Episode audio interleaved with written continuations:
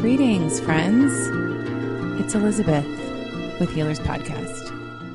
We are in the middle of recording season four, and I had no intention of popping in for a mini episode, but here I am because this week has rocked my world and many of yours, starting with Kate Spade's suicide and ending with Tony Bourdain's.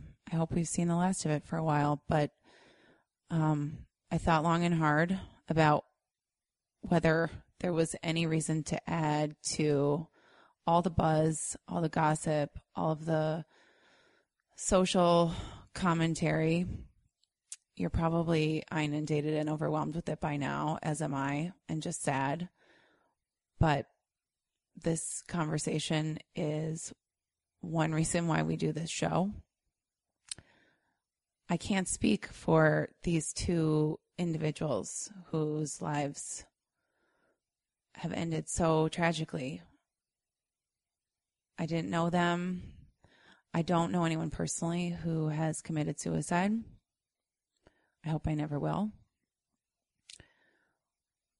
But when I thought about what conversation I want to be having and, and the one that I am having with a dozen friends via a flurry of texts that happen daily at this rate, the conversation that we're all craving is how do we stop getting to this point where we feel hopeless?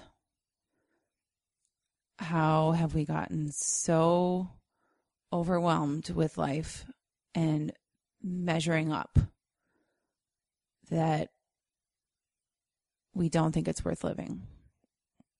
regardless of where you are on the mental health spectrum. Personally, I've been depressed and anxious most of my life. I've been on medication, I've been in therapy. It's something I'll probably always have to grapple with um, on a low grade level. But I know the feelings. I've never taken action at this level, um, but I've definitely had days and moments where I haven't wanted to be alive. And the thing that held me back or kept me alive was and continues to be having people in my life who don't judge me, who never make me feel ashamed for being sad or feeling lost I don't have to worry about being this the Debbie Downer. I can go to them on my worst days. I can be messy. And they love me just the same. And they know who they are.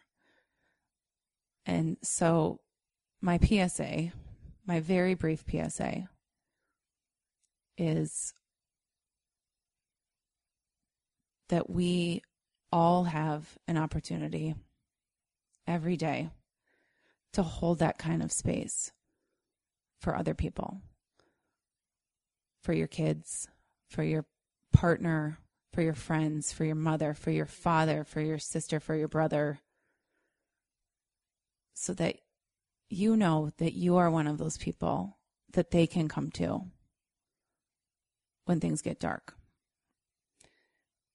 And the way to do that is to stay vulnerable, is to show your own weaknesses and your own messy side. I'm so tired of everyone trying to be strong and trying to be cool and trying to have a perfect life and curating their highlight reels. And I'm guilty. I totally am. But it's not helping anyone. It's not helping yourself. It's not helping the people who feel alone.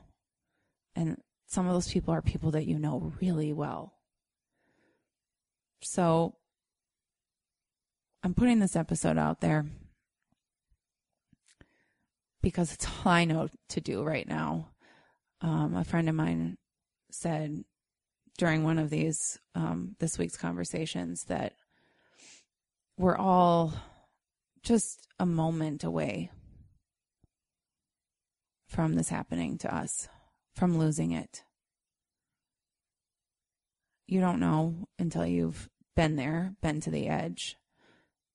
But if you can be the person that someone turns to before they hit that point, then you've done your job as a human being. I hope when we meet again in a few weeks that we're feeling better.